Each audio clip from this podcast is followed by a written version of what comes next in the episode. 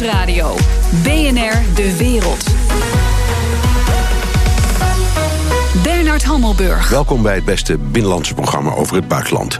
Israël bestaat 70 jaar en viert dat uitbundig. Voor de Palestijnen is het een catastrofe. Komt het ooit goed? Daarover straks Paul Bril. Maar eerst de oplopende spanning tussen Israël en Iran. Mijn gast Hans van Balen, Europarlementariër voor de VVD. Dag meneer van Balen. Ja, goedemiddag. Um, Iran zit inmiddels met militaire bases en een krijgsmacht in Syrië. Er wordt met scherp geschoten, letterlijk en figuurlijk. Israël zegt. Uh, we gaan een nieuwe fase in in de spanning met Iran. Moeten we vrezen voor een oorlog tussen Iran en Israël?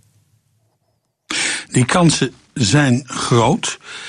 En terecht zal Israël steeds beoordelen hoe kunnen wij onze belangen dienen en voorkomen dat we worden aangevallen want na 2000 jaar vervolging en holocaust zullen de Israëli's niemand op zijn blauwe ogen geloven. De oude Assad was weliswaar een vijand, uh, de oude Syrische president Assad een vijand van Israël, maar deed geen vreemde stappen. Dus de Israëli's wisten hoe ze met hem konden omgaan en vice versa. Met Iran is dat niet het geval. Nee, dat was Hafez al-Assad, de vader van de huidige president. Ja. Um, de, de, spanningen hangen dus ook samen met de oorlog in Syrië. Um, nou weten we dat Iran en uh, de Russen samenwerken. Maar welke rol speelt Israël nu precies in eh, deze hele kwestie? Want het is bekend dat de Israëli's die, die houden niet van Assad, maar ze hebben toch ook tegelijkertijd het idee dat het maar het beste is als hij daar blijft zitten. Elke elk arrangement waarbij Israël uh, niet hoeft te vrezen van directe aanvallen, zal Israël uh, steunen. Daarom heeft Israël ook een band met Poetin. Het is niet zo dat Israël, Netanyahu, niet on speaking terms met Poetin. Ze hebben verschillen, maar er is wel een lijn die loopt. Uh, zo is er ook een lijn die loopt met het regime uh, van de huidige Assad. maar nogmaals, Iran is onberekenbaar. En Iran kan wel te ver gaan, dus aanvallen op Israël. En dan slaat Israël keihard terug. Ja, er zijn een paar dingen gebeurd. Uh, Israël heeft gezegd: we hebben uh, voor het eerst boven ons grondgebied Iraanse drones onderschept. Uh, daar heeft, er is vervolgens een Israëlisch bombardement geweest op een ehm, basis in Syrië die de, de, de naam T4 heeft. Daarbij zijn Iraanse burgers of soldaten omgekomen. Um, wat is hier aan de hand? Is, is het nu zo dat Iran van de gelegenheid gebruik heeft gemaakt van die oorlog en de rol die het daarin speelt, om zich daar als het ware in te graven, vooral militair? Zeker. Iran wil in ieder geval zoveel mogelijk uh, instabiliteit hebben. He, om Israël zenuwachtig te maken, Israël uit te dagen. Dat heeft het regime in Iran al gedaan via Libanon. Dat proberen ze via de Palestijnse gebieden, dat proberen ze via Syrië. Israël moet het leven nagenoeg onmogelijk worden gemaakt, zodat Israël wordt uitgedaagd en Israël zogenaamd dan de schuldige is omdat Israël aanvalt. Ja, u zei net, uh, uh, er is een, een band tussen, of er, zijn, er is overleg tussen Netanyahu en Poetin. Voor zover ik het begrijp, uh, is er het volgende gebeurd. Toen in september 2015 Rusland Syrië ging bombarderen, heeft Netanyahu tegen Poetin gezegd: wij doen elke dag spionagevluchten over Syrië. We zijn bereid de informatie daarvan met jou te delen. In ruil voor een toezegging van jou dat je Iran en Hezbollah uh, beheerst. Um, hebt u de indruk dat Poetin dat niet meer helemaal lukt op dit moment? Kijk, ook Poetin heeft uh, er baat bij als niet alles uit de hand loopt. En eigenlijk had hij een deal kunnen maken dat hij zijn basis in Syrië had kunnen behouden, ook bij een regimewisseling. Dat had gekund. Uh, dus Iran in de klauwen houden, dat lukt ook Rusland niet. Uh, vergeet ook niet dat er miljoenen moslims in Rusland wonen. En ook Iran daar probeert invloed uit te oefenen. Dus uh, de band met Iran is ook een hele labiele tussen Rusland en Iran. En soms zijn ze bondgenoten en vaak zijn ze het niet. Nee, maar nogmaals, in, in, in deze kwestie eh, hebben ze geprobeerd om daar afspraken over te maken, als het ware. Vooral om, om te, ervoor te zorgen dat Hezbollah, dat nou samenwerkt met Iran, zijn pijlen niet te veel op Israël zou richten. Wat zou Poetin kunnen doen? Want hij heeft een gelegenheidsbondgenootschap, op zijn minst in, uh, in de kwestie Syrië met Iran. Dus hij heeft ja, een goede uh, werkende relatie. Ja, wat Rusland zou kunnen doen, is ten eerste druk op het regime van Assad uitoefenen. Want het regime lijkt met al die buitenlandse interventie aan de winnende hand. Uh, dus misschien is het ook wel in het belang van Assad om niet te ver te gaan ten opzichte van Israël. En dan kan Assad praten met de directe bondgenoot Iran. Dat is een mogelijkheid. Uh, want Iran beseft natuurlijk wel uh, dat als Assad en Poetin besluiten, ga niet te ver. Ja, dan wordt het ook voor Iran wel lastig, want ze kunnen niet die twee bondgenoten verliezen. Maar Iran is onberekenbaar, dus ik denk Poetin kan zijn best doen.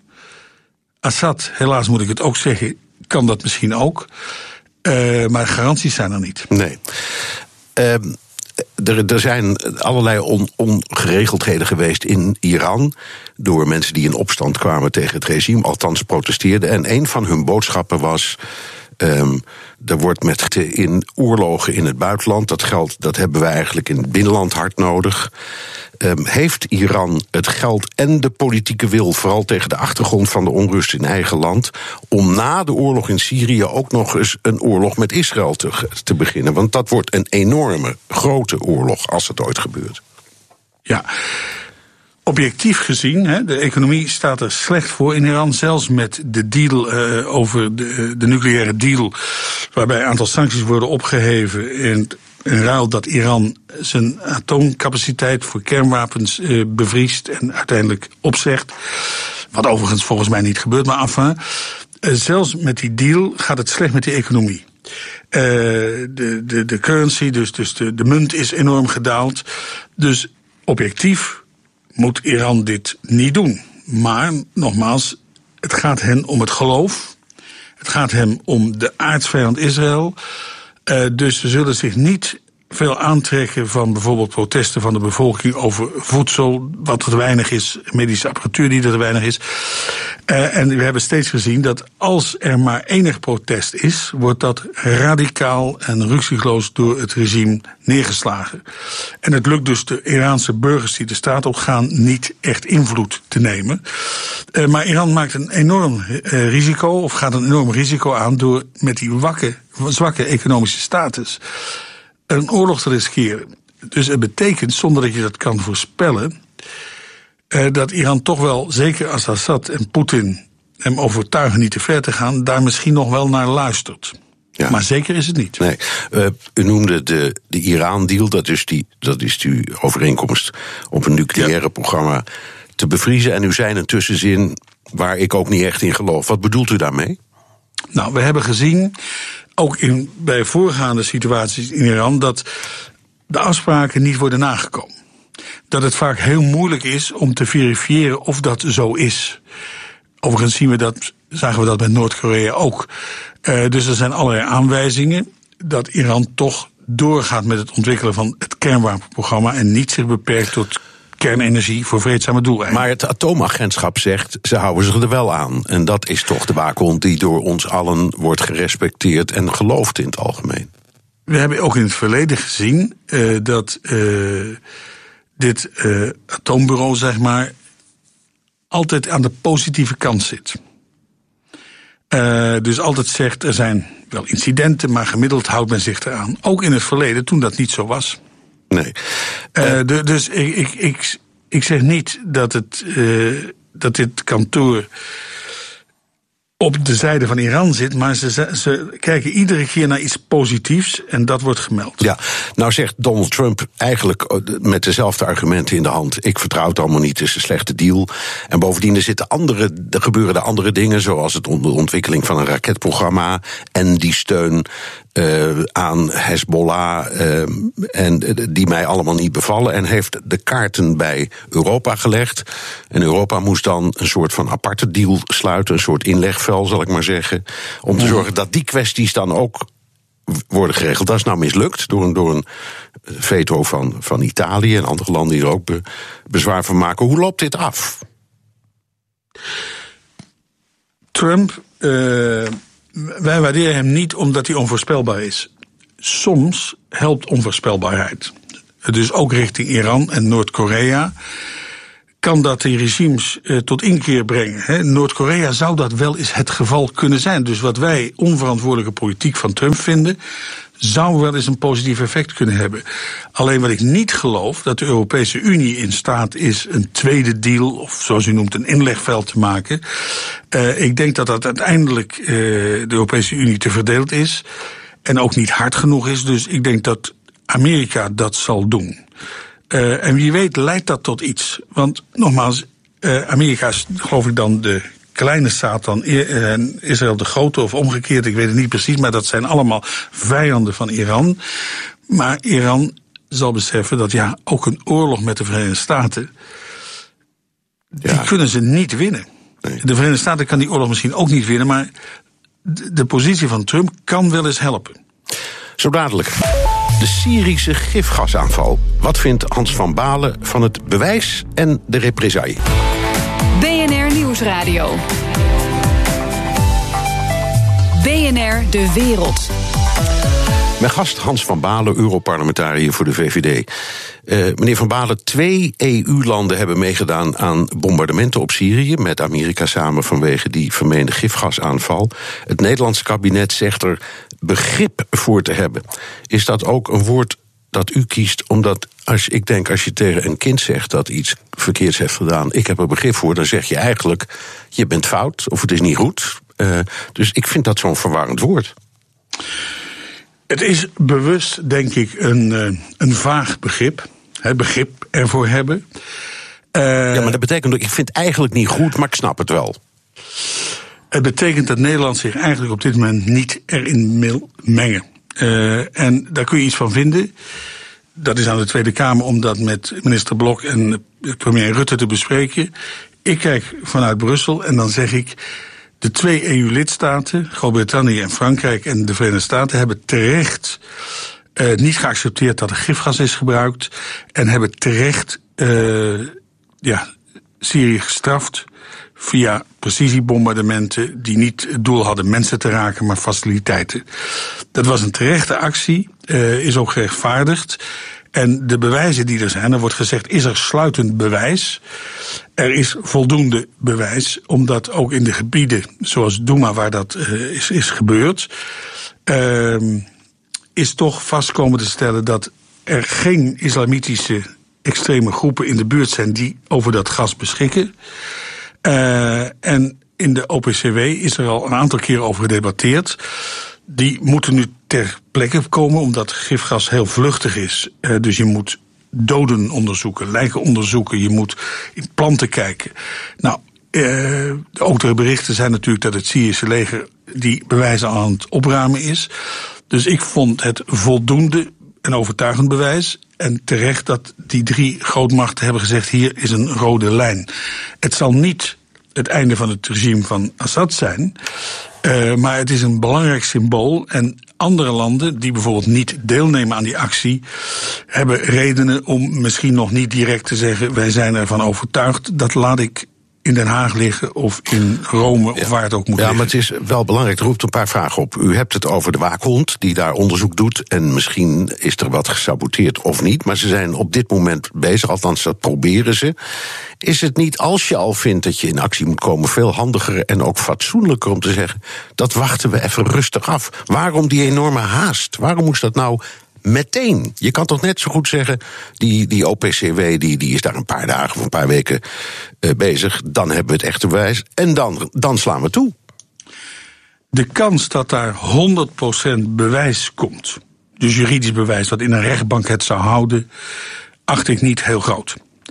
Uh, hetzelfde met de uh, moordaanslag via chemische wapens, of in ieder geval via, via chemische middelen op die dubbelspion Skripal, kan je altijd zeggen. 100% bewijs is niet te leveren, maar op een gegeven moment, als er voldoende bewijs is, moet je snel actie voeren, ja, maar, ja, dat, anders loopt het weg. Nee, maar dat is niet helemaal de vraag. Je stuurt een instituut dat, waarvan de hele wereld zegt... die hebben er echt verstand van. En voordat die hun onderzoek hebben kunnen doen, sla je al toe. Dat, dat begrijp ik niet. Ik begrijp het oprecht niet. Nee, laat dan zelfs de Russen zeggen: ja, dat instituut dat erkennen we. We helpen ze ook om binnen te komen en zo. Dus nogmaals, ik stel de vraag opnieuw: waarom dan meteen toeslaan? Waarom niet even rustig afwachten? Uh, is een moeilijke vergelijking.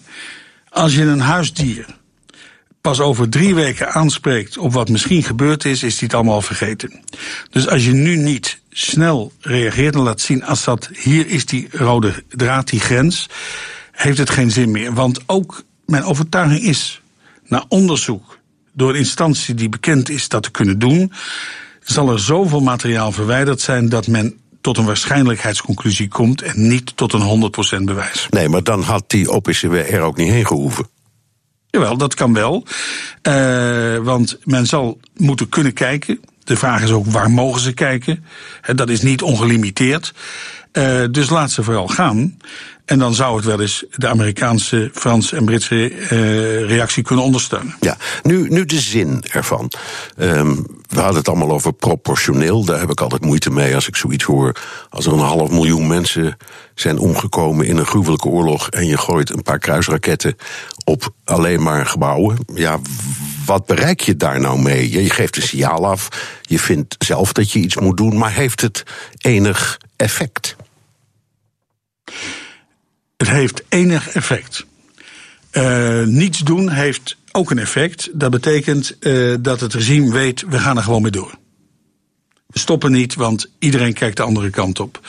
Dus je moet wat doen en je probeert daarbij geen burgers te raken. Dat is ook de reactie geweest. Uh, dus ik vind het verstandig. Maar betekent het dat dit het einde van het regime is? Nee. Betekent dat dit een wezenlijke wende in die oorlog is, die burgeroorlog is? Nee. Nee. En dan denk je, er waren meer dan 100 kruisraketten. Die kosten ruim een miljoen per stuk. Dus je geeft ook nog een patiënten uit aan zoiets. Ja, ja. Maar luister. Draai de zaak om. Je gaat een aantal weken wachten. Er komt uiteindelijk een conclusie die iedereen kan interpreteren naar zijn eigen kant. He, wel of niet uh, aantoonbaar. En dan verloopt de zaak en dan weet het regime, we kunnen door. Ja. Nu zit uh, inmiddels uh, het uh, opperbevel van de NAVO en dat van de Russen om tafel in, ik geloof, Azerbeidzjan. Ja. Uh, om over Syrië te praten en ook over de spanningen in het algemeen. Is dat een gevolg van die bombardementen?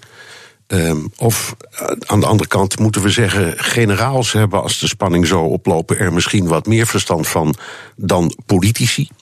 Um, is dit een goede ontwikkeling dat dat gebeurt in, vandaag in, uh, in Baku? Ja. Waarom? Uh, ook Poetin zal begrijpen dat als dit doorgaat, slaat dat terug ook op Rusland. Dus ik vertrouw de positie van Poetin geen zins, maar hij is een sluwe vos. Dus laat deze uh, militairen met elkaar praten. Uh, want wat we niet willen hebben is een directe confrontatie militair tussen Rusland en het Westen, zeg maar, in algemene zin. Ja, en dat is waarschijnlijk het belangrijkste op hun agenda. Hè? Laten we niet op elkaar gaan schieten, in elk geval. Nee, da, da, kijk, daar kun je elkaar dan in vinden. Uh, en misschien leidt dat ertoe, hè, confidence building measures, zo vertrouwenwekkende maatregelen, dat via de militaire lijn, dat was ook in de Koude Oorlog, de militairen van Oost en West wisten dat ze niet te ver moesten gaan. En dat heeft de politici geholpen dat ook niet te doen. Ja. Um, nou, je kunt zeggen, Assad is zeker niet zwakker uit dat bombardement gekomen. Misschien zelfs sterker, weten we niet, maar het lijkt er wel een beetje op. Um, moeten we, dat is ook belangrijk, niet voorlopig erkennen, Assad blijft. Uh, de Russen zeggen dat hardop. Uh, anderen zeggen uh, liever niet. Uh, Sterfblok zegt nee, we moeten op de lijn blijven zitten dat hij uiteindelijk moet worden vervolgd. Maar wat is nu de realiteit in dit geval? De realiteit is dat ten koste van ongelooflijk veel mensenlevens.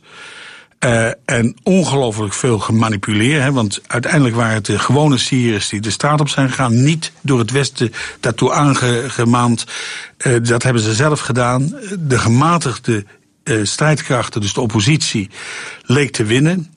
En uiteindelijk is vooral de extremisten zijn ook geholpen door Assad. Juist om te zorgen dat hij zegt: je kunt beter mij kiezen dan een ander. Uh, dus Assad zal voorlopig blijven. Uh, want wat is voorlopig, dat weten we niet, maar Assad zal nu niet van het podium vertrekken. Nee. Nou zeggen mensen, zoals bijvoorbeeld Jaap de Hoop Scheffer, in zulke omstandigheden uh, los je een, een probleem waarschijnlijk op omwille van de wereldvrede, zal ik maar zeggen, om af en toe zaken te doen met een monster. Is dit zo'n kwestie waarvan je denkt: het kan gewoon niet anders? We zullen met deze man op, indirect of direct om de tafel moeten? Als je praat over indirect, hè, want het is ondenkbaar uh, dat uh, ministers of premiers uh, vanuit de EU of de Verenigde Staten, de president bijvoorbeeld, zal praten met Assad. Maar net als de Israëli's met iedereen lijnen hebben uitstaan, zal dat ook vanuit het Westen het geval zijn. En daar bestaat dan één ding voorop. Hoe kunnen we het verder lijden voorkomen? En hoe kunnen we een deal maken die niet zorgt dat de wereldvrede bedreigd is? En dat is allemaal moreel kwalijk. Maar een wereldoorlog moet voorkomen worden. Ja, en um, hebt u de indruk dat na de val van Ghouta en Douma we nu aan de laatste fase van die oorlog zijn? Dat het bijna over is? Nee, uh, want wat er blijft is dat bijvoorbeeld de Koerden hebben hun positie in uh, Syrië. Allerlei minderheden hebben een positie. Dus uiteindelijk zullen mensen die deal niet accepteren. Ook de extremisten die nu zaak aan de kant van Assad lijken te staan. Dus men kan tijdelijk de zaken tot rust brengen. Door een vreselijke onderdrukking. Want dat is wel toevertrouwd aan Assad. En dat staat Poetin ook toe. Maar uiteindelijk zullen gewone Arabieren het niet aanvaarden. Dus Assad is niet zijn leven en zijn voortgestaan zeker. Wel op de eh, komende maanden en misschien jaren. Maar ja. uiteindelijk zal het niet zijn dat zijn regime kan overleven. Dank. Hans van Balen, Europarlementariër voor de VVD. BNR Nieuwsradio. BNR De Wereld. Met een slinks plannetje lijkt de Duitse bondskanselier Merkel de Franse plannen voor de eurozone te ondermijnen. Op dit moment spreekt Merkel in Berlijn met de Franse president Macron. Daar proberen beide leiders vooral optimisme uit te stralen. Maar onze Europa-verslaggever Jesse Pinster gelooft er niet zo in. Jesse, welk plannetje van Merkel veroorzaakt de onrust op de Frans-Duitse as? Ja, het, is, het draait dus allemaal om die uh, hervormingen voor de eurozone. Nou, dat is in ieder geval één ding waar ze het wel over eens zijn. So sind wir gemeinsam der Meinung, dass die Eurozone noch nicht ausreichend krisenfest ist. Ja, de eurozone is nog niet crisisbestendig. En de oplossing die Macron daarvoor heeft, die kennen we inmiddels wel. Hebben we het vaker over gehad. Een Europese IMF, eventueel een grote pot geld... om landen die in de problemen te komen te helpen. En dan had hij ook nog dat idee voor een, ja, een soort superminister van Financiën... die dat dan allemaal zou gaan leiden. Nou ja, in Duitsland is, was de kritiek vanaf het begin al. En je merkt nu toch echt dat de conservatieve vleugel van Mer, uh, in de partij van Merkel ook aan haar trekt. Die hebben gewoon het van ja, dat is geld van rijk naar arm verschuiven. Nou, wat Merkel wil natuurlijk wel constructief zijn in het hele geheel. Dus wat heeft ze bedacht? Ja, we gaan de eurogroep eens hervormen. Dat is waar de ministers van Financiën bijeenkomen. Vallen veel belangrijke economische beslissingen, financiële beslissingen. Dus nu moet er een zogenaamde Jumbo-raad komen. Dat betekent eigenlijk dat de ministers van Economische Zaken ook gewoon aan gaan schuiven. Dat de eurogroep niet meer zoals nu ongeveer iedere maand bijeenkomt, maar dat het nog maar een paar keer per jaar zou uh, gebeuren. En ja, volgens Merkel is dat dan een manier om het economisch beleid beter te coördineren. Maar ja, daar kan je ook wel kritiek op hebben. Want je voelt het verschil al tussen één minister van Financiën en een hele grote groep ministers die een paar keer per jaar bij elkaar komen. Of dat nou sneller tot beslissingen leidt, dat kan je afvragen. En dan is er ook nog een klein binnenlands puntje. Dat is namelijk dat de minister van Financiën, die komt van uh, Merkels coalitiepartner, de Sociaaldemocraten, dat is Olaf Scholz. En ja, als je de minister van Economische Zaken ook meestuurt, dan, ja, dan gaat de, dat is wel echt de ubervertrouweling van Merkel, Peter Altmaier die zit daar dan ineens naast. Dus die kan dan lekker de Sociaaldemocraten een beetje op de vingers krijgen. Nou was er een eh, persconferentie van Macron en Merkel. Was er iets te merken van die, uh, ik zal maar zeggen, tegenstelling, verschillende ideeën? Nou, ja, ze zeggen dan wel van ja, we komen van verschillende posities. Uh, maar goed, het hoort er nu helemaal bij. Je moet uh, compromissen sluiten en dat gaat ons ook lukken. Dus dat was de positieve boodschap die uitgedragen moest worden. Maar ja, je, weet je, als je goed luistert, dan hoor je het wel. In, in, in dit stukje van Macron zitten twee woorden en daar draait het uiteindelijk om. Il y a aussi des éléments de solidarité indispensables dans une union monétaire. Aucune union monétaire ne subsiste s'il n'y a pas des éléments de convergence. Ja, eh, solidariteit is onmisbaar in de monetaire unie. En uh, je hebt ook convergentie nodig. Dat zijn solidariteit, convergentie. Die twee woorden moet je even goed in de gaten houden. De solidariteit, dat noemt hij de hele tijd door. En zijn idee van convergentie, dus de economische verschillen tussen landen wegwerken. Ja, voor een oplossing kijkt hij toch wat uh, Macron wat meer naar de rijke landen. Van ja, jullie moeten de rest wat meer helpen. Nee, daar worden ze behoorlijk zenuwachtig van in Duitsland. Dus ja, uh, Merkel die wil het ook wel over convergentie hebben. Maar die kijkt dan niet naar zichzelf, maar naar die zwakkere economieën. En die zegt ja, die moeten gewoon concurrerender worden. En het hele plannetje van die grotere eurogroep is eigenlijk ook een manier om dat onderdeel wat meer op de voorgrond te krijgen. Hoe staat Nederland in de discussie? Um, volgens de Financial Times was Nederland een van de eerste landen, zo niet het eerste land, wat dit uh, plannetje van Merkel omarmde. Um, en dat zou mij ook niet heel erg verbazen hoor. Want je, uh, ik heb Rutte, Mark Rutte, onze premier, ook wel meerdere keren als het over de euro-debatten gaat horen vertellen van het gaat er uiteindelijk om dat zwakkere landen, denk Griekenland, Italië, concurrerender worden. En dat we op die manier zorgen dat we crisisbestendiger worden. Wanneer weten we hoe de Frans-Duitse plannen er precies uit gaan zien?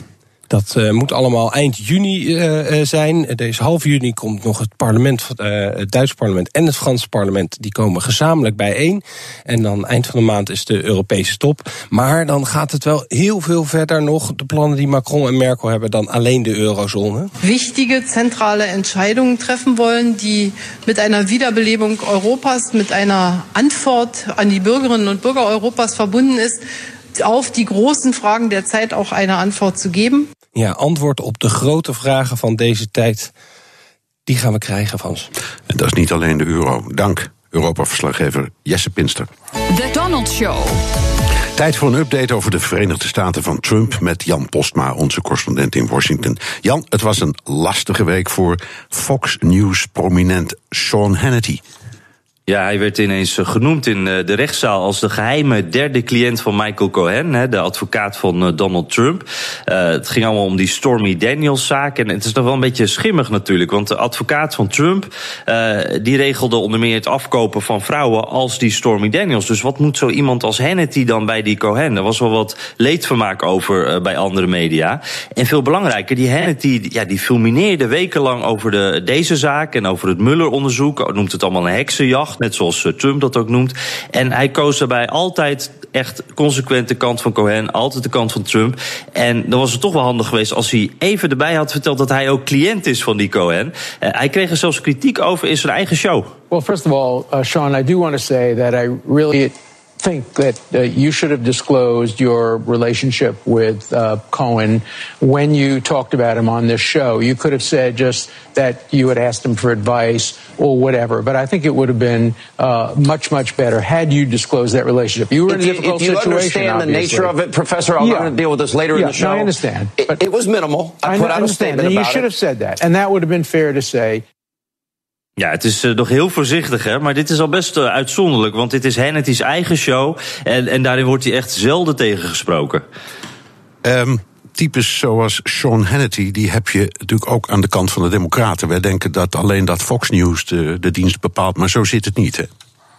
Nee, ja, de, eh, Hannity die zegt eh, zelf ook van... Ik, ik ben eigenlijk een geval apart. Ik, ik ben, ben geen journalist, daardoor ben ik anders. Eh, gewoon een man met een mening. En dat is eigenlijk de benadering die je ook op links wel ziet... bij bijvoorbeeld iemand als Rachel Maddow van MSNBC. Eh, die heeft eigenlijk hetzelfde programma als Hannity. Eh, ook zo'n lange monoloog aan het begin van de show... waarin ze uitlegt eh, wat wij dan moeten vinden van het nieuws. Eh, alleen zij is dan juist helemaal links georiënteerd. En wat ook beide hebben, eh, het pesten van de andere media... eh, de andere andere partij eigenlijk. Hè. Heeft het vaak over die vreselijk onbetrouwbare linkse media. En dan noemt hij Meadow ook uh, regelmatig bij naam en haar zender ook.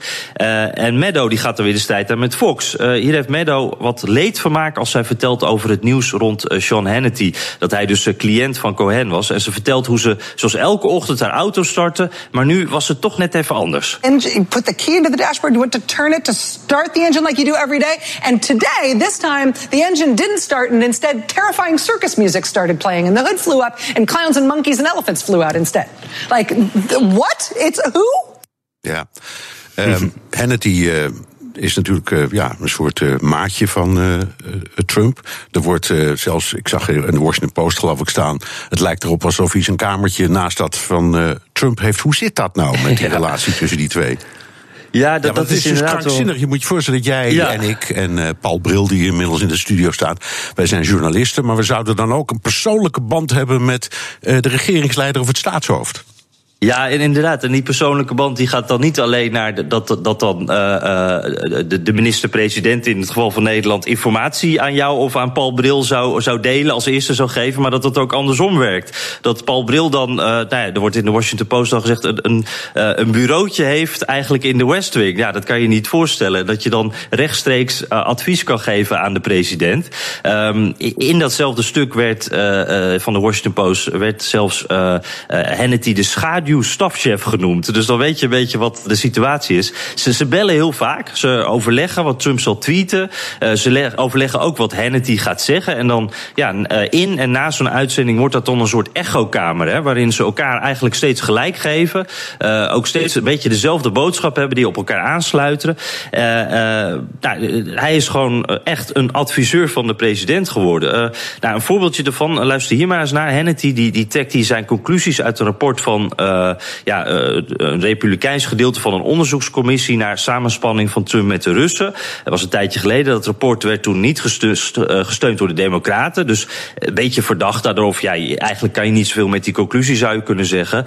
Maar Hannity, die, die serveert hier even in 30 seconden Mueller, Rosenstein en dat hele Rusland-onderzoek helemaal af. There is zero evidence. Let me repeat. None no evidence showing any sort of collusion between the Trump campaign and Russia. By the way, I hope Robert Mueller and his merry band of Democratic partisans and donors and witch hunters are all watching tonight. Their investigation should be shut down immediately. Now, the Deputy Attorney General, Rod Rosenstein, he needs to be investigated. We'll explain that. He's rushing to Mueller's defense, saying that the special counsel is, quote, not an unguided missile. And Rosenstein is trying to cover himself because tonight's brand new information proves that Mueller is in and has been in a giant witch hunt. Ja, goed. Ja, je hoort die Trump een beetje doorgeëchoed, ja, hè? het is gewoon hetzelfde verhaal, maar dan met een andere Ja. stem. Dankjewel, correspondent Jan Postma. En zo dadelijk, 70 jaar Israël, 70 jaar bonje met de buren. Straks buitenlandcommentator Paul Bril daarover. BNR Nieuwsradio. BNR De Wereld. Israël bestaat vandaag 70 jaar. Komt er naast Israël ooit een onafhankelijk Palestina? Of is die zogenaamde twee-staten-oplossing een illusie? Ik praat erover met Paul Bril, buitenlandscommentator. Paul, um, eerst even dit. Er is waarschijnlijk niet één conflict te verzinnen dat zo polariseert. Uh, ook in Nederland. Ik, ik, weet nu al zeker dat als ik mijn mail open straks of morgen, en dat geldt waarschijnlijk voor jou ook, dat er, al, er is zeker een boze luisteraar uh, of websitegebruiker die ons uitscheldt voor jihadist, antisemiet, nazi, apartheidsfan. Krijg jij die reacties ook altijd? Nou, dat is uh, strijk en zet. Uh, als je iets zegt over dit conflict, dan volgen daarna de artilleriebeschietingen van beide kanten. Maar uh, ik heb inmiddels een goed missile defense system. Ja. Dus ik ben eraan gewend en het doet me niet zoveel. En ik moet ook eerlijk zeggen dat het ook wel wat minder is dan het verleden. Ik geloof toch dat de emotionele lading iets is afgenomen. Ja. Hoe verklaar je die enorme emotie? Nou ja, er is natuurlijk vanouds een betrokkenheid, in, zeker in Nederland, in Europa, Verenigde Staten met uh, het reilen en zeilen van Israël. Um, en daar is, daar, is een, daar is een tweede emotie overheen gekomen, namelijk het anti-imperialisme.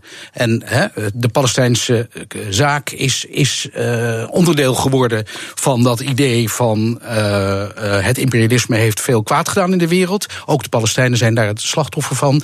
En dus die twee elementen voor, ja, die vormen eigenlijk de bouwstenen van de emotionele lading die het conflict heeft. Ja, maar het heeft vaak zo'n enorm pers persoonlijk karakter. Je, bent, je wordt echt onmiddellijk in een hoek ge Ja, nou ja, kijk, wij, wij, wij praten hier veel over politieke tegenstellingen. En als we het hebben over polarisatie in Nederland, dan gaat het nog altijd over woorden en, uh, en demonstraties. In het Midden-Oosten gaat het natuurlijk al gauw om leven en dood. Dat is waar.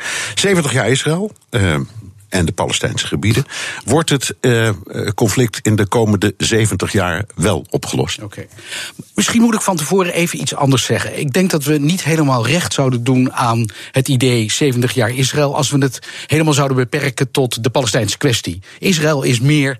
Uh, 70 jaar Israël is meer dan de Palestijnse kwestie. 70 jaar Israël is ook een moment om uh, toch even te appreciëren hoezeer uh, uh, Israël ook een uniek menselijk experiment is.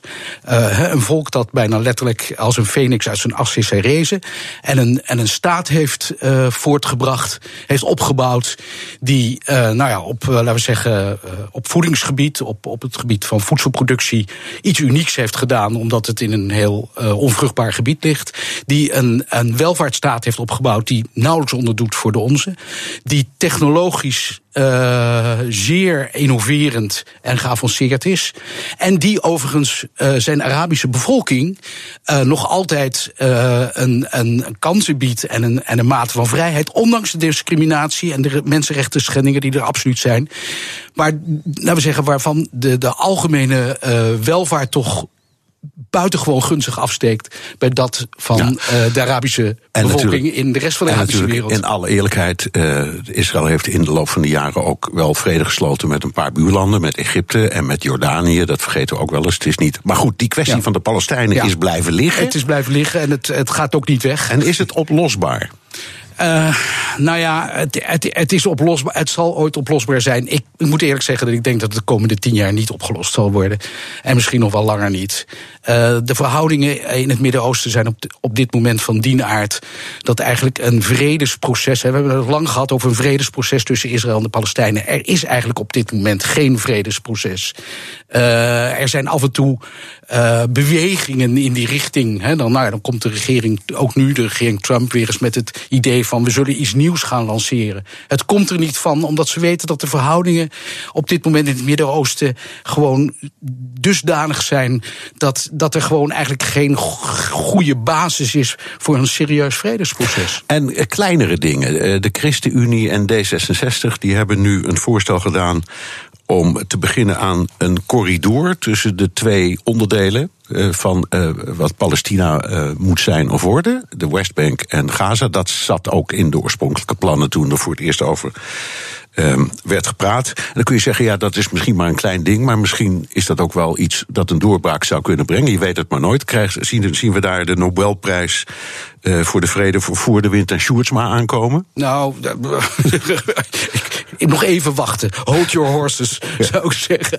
Nee, het is absoluut waar dat zo'n corridor is natuurlijk een oud idee uh, uh, om, om, om de twee-staten-oplossing ook realiseerbaar te maken, gegeven het feit dat er twee Palestijnse gebieden zijn.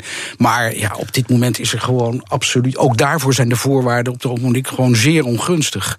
Ja. gegeven het feit dat Hamas het voor het zeggen heeft. En het ook voor het zeggen wil houden uh, in, in Gaza. En gegeven het feit dat nu de spanningen tussen Iran en Israël zo enorm oplopen. En dat Hamas en Gaza daar natuurlijk een belangrijke rol in speelt. Denk ik dat Israël niet heel erg staat te juichen bij het idee dat er nu een corridor moet komen. En hoe staan de Palestijnen in die kwestie, die oplopende spanning tussen Israël en Iran? Want als dat misgaat, dan heeft dat ook effect voor dat volk? Nou ja, de Palestijnen, we moeten het nog, nog eens een keer zeggen, bestaan niet. Uh, de Palestijnen zijn enorm verdeeld. Ik bedoel, Israël is een verdeeld land. Maar het is niets vergeleken bij hoe verdeeld de Palestijnen zijn. De hele geschiedenis van de Palestijnen is er een van verdeeldheid. Van, van gemeenschappen die tegenover elkaar staan. En ja, dat is, dat is op dit moment niet minder zo. Nee. Uh, aan de ene kant heb je de Palestijnse autoriteit die het voor het zeggen heeft in de Westbank. Aan de andere kant heb je Hamas die het voor het zeggen heeft in Gaza. Er zijn voortdurend pogingen om toch iets van een soort regering van nationale eenheid. of in ieder geval een understanding te bereiken. En het loopt elke keer weer mis. Nou, uh, om onbegrijpelijke reden. Uh, Hamas is geïsoleerd. Heeft heel erg zijn, uh, kaarten gezet op het radicale deel van het, het Midden-Oosten. Iran en bondgenoten. Abbas is een, nou ja, een, een, een zeer bejaarde leider. Ook half ziek. Ehm, een despoot. Alle slechte dingen van het Midden-Oosten komen in hem samen. Gebrek aan democratisch besef. paternalisme. Cliëntelisme. Dus altijd vriendjes en, en, en familieleden op, op posten om je heen te zetten. Ja, dit, dit is, dit is een, een, een, een hele zieke organisatie. Ja, um, en de Israëli's niet alleen Netanyahu, maar ook zijn voorgangers, die hadden altijd wel een punt. Die zeiden: ja, als je al van ons eist dat we tot een uh, oplossing komen met de Palestijnen, dan moeten we elk geval praten met één Palestijns volk of één Palestijnse regering. Um, is dat juist? Of kun je zeggen wat de meeste regeringen doen, ook de onze geloof ik. Nee, je moet dan toch je kaarten zetten op de Palestijnen in de Westbank. Dus de Palestijnen van Abbas. Want wat je ook van die man vindt, daar kun je in geval wel mee praten. Nou ja, ik geloof dat er zeker in Israël krachten zijn. Kijk naar de oppositie, hè, Lapid, uh, uh, maar ook de, de, de, arbeidspartij. Dat is een soort uh, D66. Dat is een soort D66. Dus, hè, dus laten we zeggen, het linker, linker of het centrum link, linkse deel van, van de Israëlische politiek uh, zou zeker, laten we zeggen, met meer welwillendheid zaken willen doen met, met de Palestijnse autoriteit. daar is ook nog, laten we zeggen, de twee-staten-oplossing nog steeds een, een levend ideaal. Ja. Um, overigens ook niet alleen uit idealistische motieven, maar ook gewoon omdat men aan die kant van het van de Israëlische politieke spectrum redeneert. Als wij uh, niet tot een soort boedelscheiding komen, dan zal op termijn het hele gebied dat Israël nu controleert overwegend door Arabieren worden bevolkt. Dus dat wordt dan voor het idee van, laten we zeggen, een Joodse staat een demografische ramp. Ja, zeker. Als je een Joodse staat wil houden, zul je naar een boedelscheiding toe moeten. Ja. Nu, dus het verwijt van de Israëliërs aan de Palestijnen, dat zijn vele verwijten, maar één daarvan is: jullie kunnen geen eenheid vormen, er valt dus niet met jullie uh, te praten. Aan de andere kant is het verwijt aan Netanyahu, niet alleen door de Palestijnen, maar ook door uh, de meeste westerse landen, dat nederzettingenbeleid. Um, waarom houdt hij daar zo aan vast? En waar, het is, lijkt soms wel een geconditioneerde reflex als die uh, kritiek heeft. Uh, ofwel omdat het om binnenlandse kwesties gaat, zoals een corruptiezaken, corruptiezaken die lopen. Of als hij door het buitenland onder druk wordt gezet. Dan, het eerste wat hij dan doet is aankondigen dat er uh, een nieuwe nederzetting bij komt. Ik denk dat er twee redenen zijn. A, denk ik dat Netanyahu zelf uh, eigenlijk niet wezenlijk gelooft in de twee-staten-oplossing. En eigenlijk ervan overtuigd is dat uh, Israël ook op de Westoever, hè, Judea en Samaria, recht heeft om daar te zijn. Um, maar waarom zegt hij dat dan niet gewoon? Nou ja, dat maakt het dan. Dit, dit, dit, is, dat is toch makkelijker dan? Dat is misschien makkelijker, maar hij weet ook dat in uh, de wereld als geheel, ook in het Westen, uh, er toch nog steeds uh, een, een, een, een grote mate van steun is voor het idee van een Palestijnse staat. Ja. Dat, dat kan hij niet negeren. Nou ja, en in de tweede plaats, als hij zelf al bereid zou zijn om toch in die richting stappen te zetten, dan heeft hij natuurlijk in de Likud zijn eigen partij en in de religieuze partijen die zijn bondgenoten zijn, heeft hij natuurlijk krachten waar de kolonistenbeweging enorm sterk is. En waar dus dat nederzettingenbeleid voortdurend wordt gepousseerd. Ja, en daar, daar speelt hij dan op in. Maar hij, hij en daar speelt hij misschien wel met enig plezier op in. Nou, plezier is niet het goede woord, Goed, maar, maar daar, hij is zeer bereid om daarop in te spelen. En we hadden het net over die demografie. Als het een één-staten-oplossing zou zijn, dan is dat een staat waarin in afval op den duur, misschien nu al in meerderheid, moslims zouden wonen en, en christenen, maar in afval een minderheid aan Joden. Hoe ziet hij dat dan? Als hij zegt geen twee, of hij denkt geen twee-staten-oplossing, één-staten-oplossing, hoe dan? Ik moet eerlijk zeggen dat ik niet weet hoe hij daar nou wezenlijk over denkt. Omdat zich, ja, Netanyahu laat natuurlijk nooit het achterste van zijn tong zien. Wat, ik wel, wat je wel kunt merken is dat ook in Israël mensen die altijd voor het twee staten, uh, voor de twee staten oplossing hebben gepleit en, en, en daarvoor ook actie hebben gevoerd, uh, geleidelijk aan um, beginnen te aarzelen of, of dit nog wel haalbaar en wenselijk is. Er staat toevallig, uh, gisteren stond er een, of nee, geloof vandaag zelfs, uh, in de liberale uh, Israëlische krant Haaretz staat er een groot artikel van de schrijver Joshua. Joshua, die um, zelf altijd heeft uh, geijverd voor de twee-staten-oplossing. En die nu de vraag stelt: is dit nog wel realiseerbaar? En moeten we niet gaan zoeken naar een ander soort oplossing. waarin overigens de Palestijnen ook aan hun trekken komen. En hij denkt dan in de richting van een confederatie, waarbij het land zou worden opgedeeld in districten. Uh, uh, en waarbij het hele staatsbestel eigenlijk ook zou moeten veranderen. Een beetje naar Amerikaans model.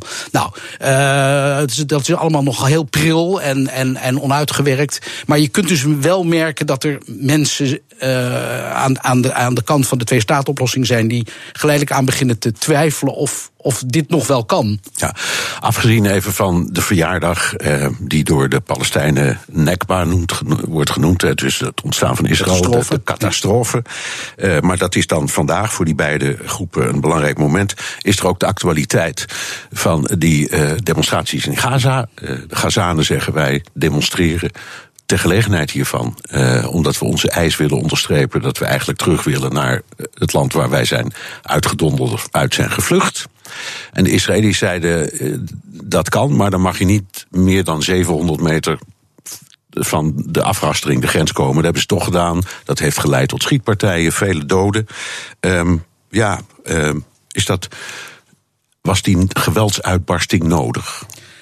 Nou ja, ik heb er mijn aarzelingen over. Ik bedoel, het is volstrekt begrijpelijk dat gewone Gazanen willen demonstreren, omdat hun leven natuurlijk gewoon vrij beroerd is. Ja, een, tele een telefoons, aan... telefooncel met anderhalf miljoen mensen erin. Hè? Ja, dat is ja, zo'n ja, beetje. Ja, de, de, ik bedoel, dit, dit, dit is, dit is een, natuurlijk een vrij uh, treurig leven. Uh, het is een. Het is een, het is een uh, afgesloten gebied waar maar heel uh, sporadisch de juiste spullen binnenkomen. Het, het, leven is gewoon heel zwaar. Dus dat ze daar aandacht voor vragen lijkt me volstrekt normaal.